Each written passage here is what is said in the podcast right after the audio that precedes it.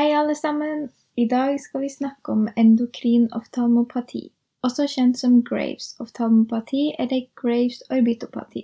Det kan også kalles for thyroid eye disease. Kjært barn har mange navn.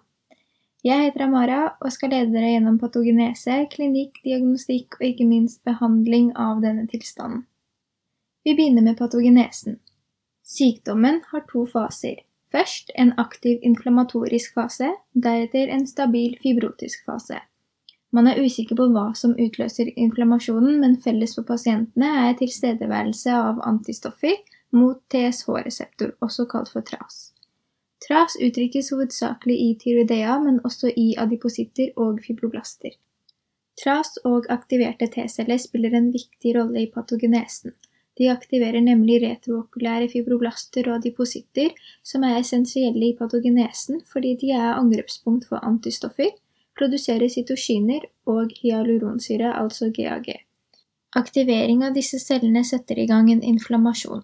Volumet av både ekstraokulære muskler og retrookulært bindevev øker pga. fibroblastproliferasjon, inflammasjon og akkumulering av hydrofile glikosaminoglikaner. Sekrosjon av GAG fra fibroblastceller øker av stimulering fra TRAS og aktiverte T-celler via cytokinsekresjon. Akkumuleringen av hydrofile glikosaminoglikaner leder til væskeansamling, som etter hvert erstattes med fibrose, hevelse av muskler og et økt trykk inne i orbita. Disse vevsforandringene presser øyet fremover og leder til ekstraokulær muskeldysfunksjon og økt retrobulbært trykk. Så hvem er det som får endokrinoftalmopati? Incidensen av Graves sykdom og endokrin øyesykdom varierer mellom ulike land. En svensk undersøkelse fant insidens av Graves sykdom på 20 stykker per 100 000 per år, med en ratio på kvinner og menn på ca. 4 til 1, og en topp i aldersgruppen 40 til 60 år. Endokrin øyesykdom forekom i ca. 20 av disse. Hos 90 oppstår tilstanden i relasjon til Graves sykdom, og øyesykdommen kan oppstå før, under og etter debut av hypertyreosen. Endokrin øyesykdom ses også hos pasienter med autoimmun tyroiditt, der risikoen for sykdom er størst hvis pasienten er hypotyreot. Euteriote pasienter uten positiv tyroideantistoff kan også utvikle endokrin øyesykdom.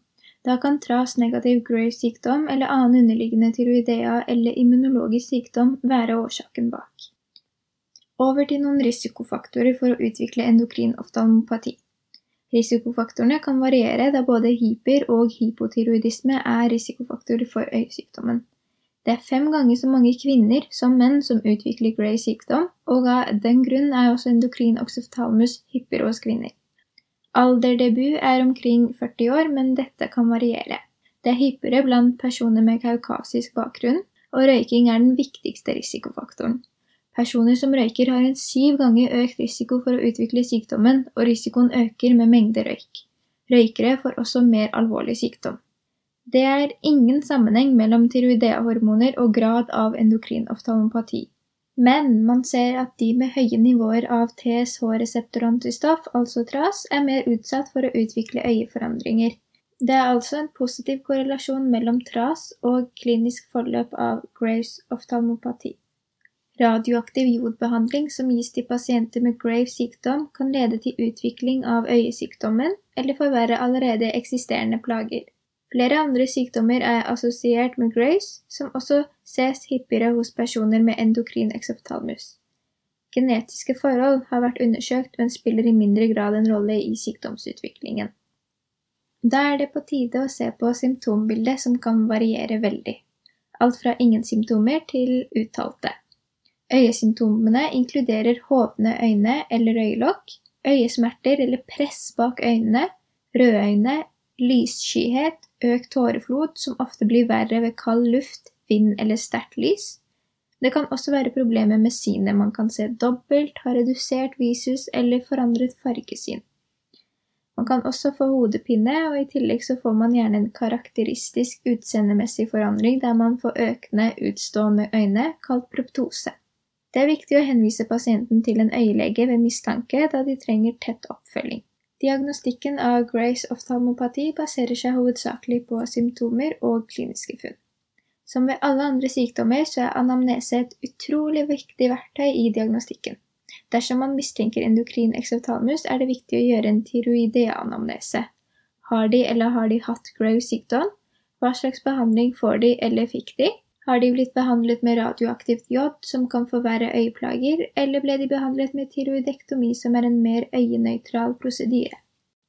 Det er også viktig å spørre om de tidligere har hatt noe endokrin øyesykdom, periode med hypotyreose og ikke minst røykanamnese, da det også gir økt risiko for utvikling av tilstanden.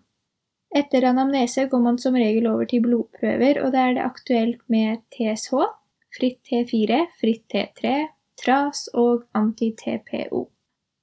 Av radiologiske undersøkelser så er CT eller MR av orbita hos de fleste med moderat til alvorlig endokrin exophthalmus samt pasienter med ensidig øyeaffeksjon viktig å gjøre. Det er viktig å utelukke sykdommer som lymfom, amyolidose og tumororbita. Når man har kartlagt hvilke forandringer som foreligger og omfanget av disse, så skal man bestemme om det er aktiv betennelse eller ikke i øyehulen. Da kan man bruke Clinical Activity Score. Den består av ti symptomer, og hvis man har tre av syv eller fire av ti symptomer til stede, så er det en aktiv inflammasjon. Det vil si at pasienten skal få inflammasjonsdempende medikamenter før eventuelt operativ behandling på indikasjon. Clinical Activity Score, på norsk klinisk aktivitetsscore, deles inn i to deler. Del 1 er symptomer man finner ved primær undersøkelse. Dette består av syv symptomer, der én er spontane orbitale smerter, to smerter ved bevegelse, tre hevelse av øyelokk, fire eritem av øyelokk, fem injeksjon av konjunktiva, seks ødem av konjunktiva og syv inflammasjon av karunkelen eller plika. Del to består av symptomer man finner ved kontroll, gjerne hos oftalmolog. Dette innbefatter symptom nummer åtte, proptose økt med to millimeter, ni øyebevegelse på ett øye redusert med over åtte grader, og ti sinnsreduksjon tilsvarende én linje i Snellens tavle. Hvert symptom tildeles ett poeng, og som nevnt tidligere så vil en poengscore på over tre av syv indikere aktiv grace oftalmopati, og pasienten skal da ha betennelsesdempende medikamenter. Deretter kan man gradere sykdommen etter alvorlighetsgrad fra mild, moderat til alvorlig eller sinstruende, altså meget alvorlig. Denne vurderingen kan man gjøre ved hjelp av klassifikasjonen fra European Group on Graves orbitopati. Behandling av pasientene retter seg mot stoffskiftesykdommen og mot de øyeproblemene pasienten har. Ikke minst bør man oppfordre til røykeslutt dersom pasienten røyker, da dette er en veldig viktig risikofaktor. Det er vesentlig med stabilt stoffskifte. Man bør unngå TSH-stigning. Er det vanskelig å finne frem til en høvelig dose av neomerkasol, så kan blokkerende behandling være å foretrekke. Der kan man gi relativt høy dose av neomerkasol i tillegg til Levaksin. Hvis pasienten skal behandles med radioaktivt jod og i tillegg har øyeproblemer, så er det viktig å gi prednisolon samtidig for å unngå at øyeplagene forverres. Noen studier har vist at man ved samtidig prednisolonbehandling kan hindre økt risiko for øyesykdommer. Eventuelt kan tyroidektomi være et behandlingsalternativ. Alle pasienter bør få råd om enkle og lokale tiltak. Dette innbefatter kunstig tårevæske for å kompensere for dårlig kvalitet på tårefilmen og uttørring pga. åpenstående øyne. Mange er lyssky, og bruk av solbriller eller filterbriller kan være til nytte. Refraksjonen kan endre seg fordi øyet blir mer fremstående, og optimal brillekorreksjon er dermed viktig. Ved lettere grad av strabisme eller dobbeltsyn kan prismatisk korreksjon av strabismen være et godt alternativ. For pasienter med milde symptomer er lokale tiltak ofte tilstrekkelig, og ingen tilleggsbehandling trengs. Har pasienten derimot moderate til alvorlige øyesymptomer eller progressive symptomer, så trengs det antiinflammatorisk behandling. Førstevalget med tanke på betennelsesdempende er kortikosteroider. Kommer man ikke i mål med kortikosteroider, kan man supplere med strålebehandling, eventuelt andre antiinflamatoriske midler som metotrexat, cyklosporin og mykofenolat mofetil. De siste årene har det kommet nye biologiske medikamenter som andrelinjebehandling. Her er det tre medikamenter – rituximab, tocilizumab og teprotumumab. Når den inflammatoriske fasen er over, kan operasjon være nødvendig for å rekonstruere forandringer som har blitt vedvarende. I enkelte tilfeller kan det være aktuelt å operere i en inflammatorisk fase. Dette gjelder hvis man har synsreduksjon pga. trykk mot synsnerven, eller nedsmeltning eller perforasjonsfare av hornhinnen. Da er det aktuelt med medial dekompresjon for å avlaste trykk mot synsnerven. Operativ behandling kan deles inn i tre ulike former. Dekompresjon, vil si å lage bedre plass for øynene, og så har man strabismekirurgi og øyelokkskirurgi. Pasienter med endokrin øyesykdom må følges tett av spesialist i øyesykdommer og endokrinolog. Ved alvorlig øyesykdom vil oppfølgingstiden ofte gå over flere år. Selv etter omfattende rekonstruktiv kirurgi vil noen pasienter ha bestående forandringer. Mange pasienter vil ha kronisk endokrin øyesykdom og plages med tåreflod, lysskyhet og tørre øyne over mange år. Det er spesielt viktig at disse pasientene har et stabilt stoffskifte. Pasienter som får residiv av Graves sykdom, er i risiko for å kunne utvikle aktiv endokrin øyesykdom på nytt. Dette gjelder også pasienter som tidligere er subtotal tyroidea-operert, og pasienter som har ny aktivitet i Graves sykdom til tross for tidligere behandling med radioaktivt jod. Likevel er det sjelden med reaktivering av øyesykdommen, da den ikke følger grunnsykdommens forløp med hensyn på variasjon og residiv.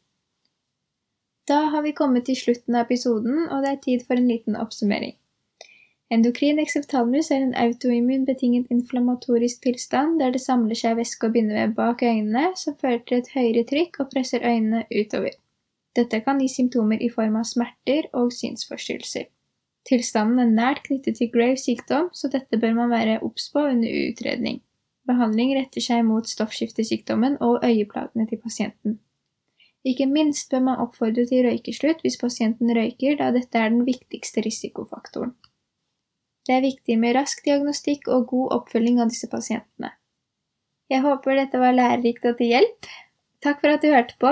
Husk å gi oss en like på Facebook, og send oss gjerne ønsker eller tips til hva dere har lyst til å høre mer om. Vi høres!